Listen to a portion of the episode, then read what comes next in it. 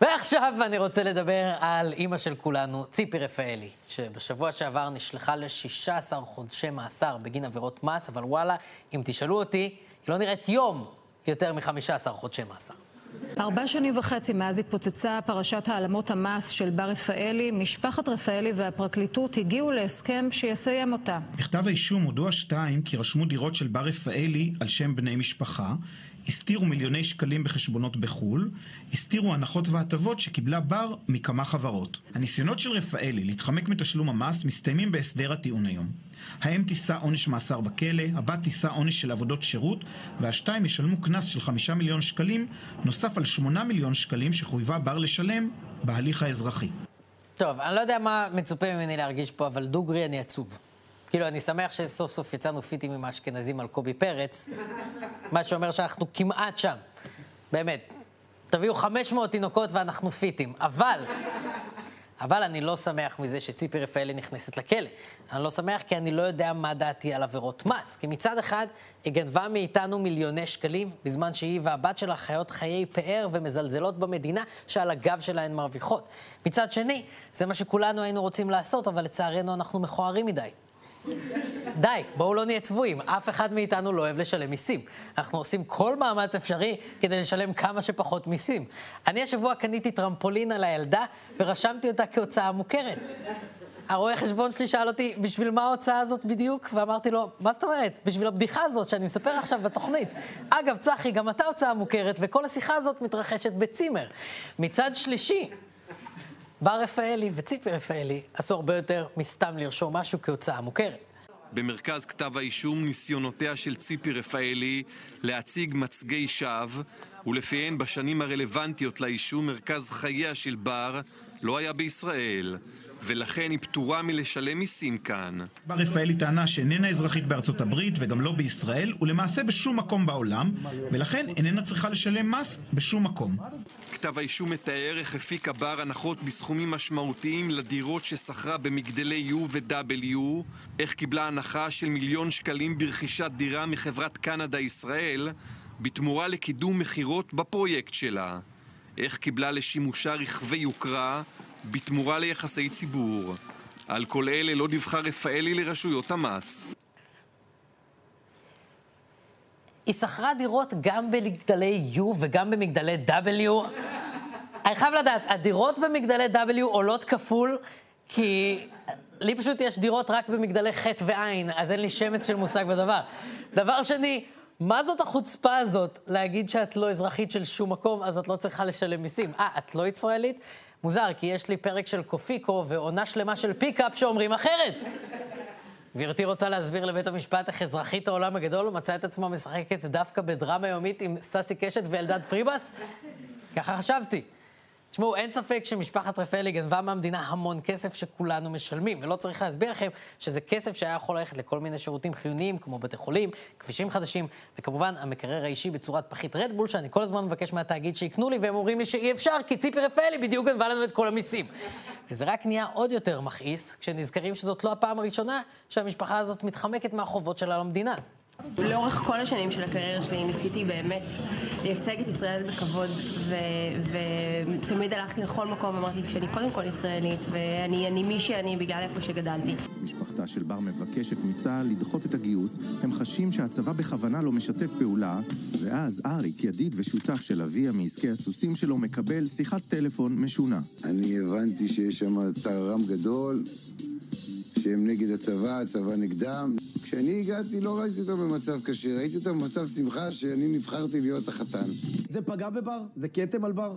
אה, לדעתי, אה, במשך השנים היא עשתה הרבה יותר למדינה מאשר, מאשר הרבה חיילות. זה... איכס. כאילו, בואו, אני לא מתחסד, גם אני הייתי שמח לוותר על הצבא, אבל לא יודע, פשוט קשה לי לדמיין את אבא שלי מחתן אותי עם חבר שלו מעסקי הסוסים, אבל אולי זה רק בגלל שאבא שלי מאוד מקפיד להפריד בין עסקי הסוסים שלו וחיי הסוסים הפרטיים שלו. בכל אופן, כן, מותר לכעוס על משפחת רפאלי, אולי אפילו רצוי. נכון שכולנו מנסים לדפוק את המערכת פה ושם, אבל הן לא סתם דפקו את המערכת, הן עשו למערכת דברים כל כך נוראים שלהעביר סרטונים שלהם בוואטסאפ זה עבירה פלילית. וכמובן שציפי חייבת להיענש על כל המיסים שהעלימה. אבל אני בסך הכל שואל, האם מאסר זאת הדרך הכי טובה ואנושית לעשות את זה? ומן הסתם ציפי רפאלי היא לא העניין פה, אבל כל עוד תשומת הלב הציבורית מופנית לפרשה הזאת, הזדמנות מצוינת לדבר על נושא חשוב הרבה יותר. האם כלא הוא עונש מוצדק לעברייני מס? ציפי רפאלי, לדוגמה, הולכת להיכנס לנווה תרצה, כלא האנשים היחיד בישראל. וכשאנחנו כחברה שולחים נשים עברייניות מס לכלא נווה תרצה, אנחנו צריכים להבין מה המשמעות של זה. נווה תרצה, בגלל שהוא כלא נשים יחיד, אז גם אם נכנס לשם מישהי שחצחה את הילד שלה, וגם אם נכנסת מישהי להעלמת מס כמו אה, אה, ציפי רפאלי שעומדת להיכנס עכשיו, הם יהיו באותו כלא. זיווה יצחק היא מה שנקרא בז'רגון של בית הסוהר אישה נורמטיבית, שאחרי הסתבכות בעבירות מע"מ מצאה את עצמה עם גזר דין לשמונה חודשים בנווה תרצה, ובזמן הזה גם הספיקה לכתוב ספר שמתעד את חיי הכלא מהעיניים שלה. זה אחרי הלילה הראשון בנווה תרצה. השחר עולה, אני מתעוררת בתחושת צמא נוראית, אבל אין מים בתא, אין שום אפשרות לשתות. השירותים נראים זוועת עולם, פטריות, עובש גדלות בכל מקום. אוקיי, okay, אני יודע מה אתם חושבים עכשיו. מנהלת כספים שכותבת ספר באמצע החיים זה הפשע הכי גדול שיש, ואתם צודקים. אבל עדיין זה מזעזע שאישה כזאת צריכה לשבת עם רוצחות. צריכה לבלות חודשים עם רוצחות בתת-תנאים.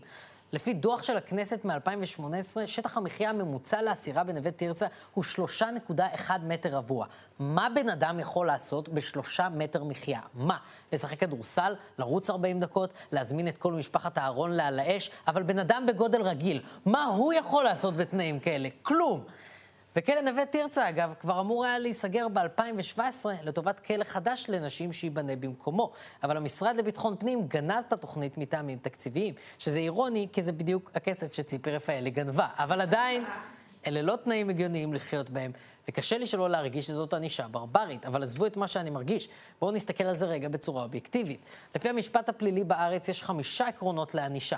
העונש צריך להלום את העבירה, להרחיק את העבריין מהציבור, להרתיע את הציבור מלעשות את אותה עבירה, להרתיע את העבריין מלעשות אותה שוב ולשקם אותו.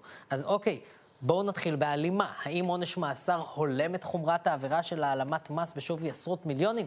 בהתחשב בסכום, אני מניח שכן.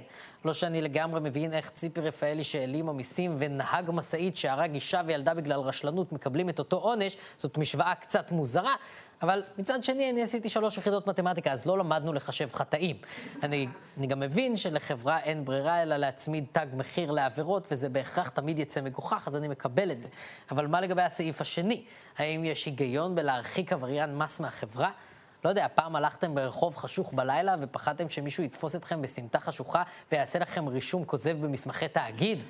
כאילו, אני לחלוטין מבין את הרצון להרחיק מהחברה את מי שמסכן את הביטחון האישי של אזרח אחר, אבל עברייני צווארון לבן לא עומדים בקריטריון הזה, וזה בניגוד לעבריינים שכן צריך להרחיק מהחברה, שהם כמובן עברייני צווארון גולף, כי אין משהו שגורם לי לפגיעה בביטחון האישי כמו עורלה על צווארו של אדם אחר. אז תגידו, אוקיי. אוקיי, אז זה לא בשביל להרחיק, אבל זה בשביל להרתיע. הציבור צריך לראות שיש תג מחיר על העבירה הזאת, וסבבה, נכון, כלא זה מרתיע. אני מורתע. אבל במדינות ערב, לדוגמה, עקרון ההרתעה מוביל את המדינה גם לכרות את היד של הגנבים. ואת העובדה הגזענית הזאת אני מבסס בעיקר על סצנה אחת בסרט אלאדין. אז האם אנחנו רוצים להרתיע, למה שלא נכרות לציפי רפאלי את היד? זה פי אלף יותר מרתיע, כי איך לעזאזל אני אמור להעביר את הזמן בכלא בלי יד? איך אני אמור אה, להעביר עמודים בכל הספרים שאני ארצה לקרוא בנושא אוננות? ובדיוק, בדיוק כמו שכחברה החלטנו שפגיעה פיזית ועינויים הם לא כלי לגיטימי להרתעה, אני חושב שבחלק מהמקרים, כמו במקרה של עבירות מס, צריך לשאול אם זה שווה את זה. וזה מוביל אותנו לסעיפים הבעייתיים ביותר לדעתי, הרתעה אישית ושיקום. שני סעיפים שאמורים לוודא שהנאשם לא יחזור על העבירה שלו, אבל האם זה באמת מה שקורה? שב"ס יודע את זה, שתנאי הכליאה של אסירים משפיעה ישירות על האלימות שלהם, על הסיכוי שלהם לשיקום. יש קשר הדוק בין okay, אוקיי, הדברים בוא, האלה. בוא... לפי נתונים בשנתיים האחרונות, רק 14% מהאסירים חויבו בתוכנית שיקום. כלומר, הרוב המוחלט שוחררו בלי לבחון את רמת המסוכנות שלהם. ואם צריך נתון שיבהיר עד כמה תהליך השיקום קריטי, יותר מ-40% מהאסירים חוזרים לכלא בתוך חמש שנים, אם הם בלי שיקום. וואו, 40 אחוז מהאסירים חוזרים לכלא בתוך חמש שנים, זה נורא. כאילו, זה עדיף על האסירים שאחרי כמה שנים חוזרים לממשלה, ותודה לך שוב, דוד אהרון, על החידוד הסאטירי השבועי, אבל צריך להגיד את זה בבירור. הכלא בישראל לא משקם אנשים. ברוב המקרים הוא רק מדרדר אותם. ואם לא שיקמת אותם, אז רק יצרת את הפשיעים הבאים שלהם והרחקת אותם מהחברה הנורמטיבית. חשוב לזכור שבסוף רוב האסירים, כמו ציפי רפאלי, גם אמורים לצאת מתישהו מהכלא, וזה די ברור שלתקוע את ציפי רפאלי 16 חודשים בתא של כשלושה מטר רבוע עם מרי פיזם ועובש על הקירות, לא בהכרח יהפוך אותה לבן אדם טוב יותר. אני לא קואוצ'ר, אבל זה דעתי. אז למה לא לבחון אלטרנטיבות פחות מזיקות? בגרמניה למשל, בעבירות שדינן עד חצי שנת מאסר, אפשר להמיר את המאסר בקנס שנקבע בהתאם לחומרת העבירה ולעד כמה הבן אדם עשיר, כדי שלא יתמוטט ברמה כזו שתאלץ אותו לחזור לפשע. ואני יודע שזה מוזר לקבל שיעורים בהומניות וזכויות אדם דווקא מגרמניה, שכידוע אף אחד מתאי הגזים שלהם לא היה נגיש לכיסאות גלגלים, אבל עונש כזה גם יכול לייצר הרתעה. וגם מאפשר לעבריינים להשתקם בלי לתקוע אותם עם טראומה לכל החיים. וגם אנחנו חייבים למצוא פתרונות כאלה ואחרים שעדיפים על עונש מאסר, ולא רק בגלל, בשביל ציפי רפאלי, שהיא אגב אישה חזקה ופריבילגית שפעלה באופן מתוכנן וידעה בדיוק מה היא עושה, אז אין לי באמת שום אמפתיה מיוחדת כלפיה. אבל יש עוד המון אנשים שיושבים בכלא שאולי עשו עבירות חמורות יותר, אבל עם, עם סיבה הרבה יותר טובה. כמו בעיות נפשיות חמורות, נסיבות חיים קשות, לחלקם אין בכלל חברים בעסקי הסוסים. וכמובן שפושעים אלימים צריך להרחיק מהחברה לטובת הביטחון האישי שלנו, ועל חלקם אפילו אסור לרחם. נכון. אבל הרבה פושעים אחרים שלא מסכנים אף אחד, עדיין מגיעה להם הזדמנות להשתקם, ולא מגיעה להם הנקמה הקטנונית הזאת. כי בסוף זה הדבר העיקרי שאנחנו מרוויחים ממאסר. לא הרתעה, לא שיקום, אפילו לא ביטחון אישי בשביל עצמנו. כל מה שאנחנו מקבלים זאת נקמה.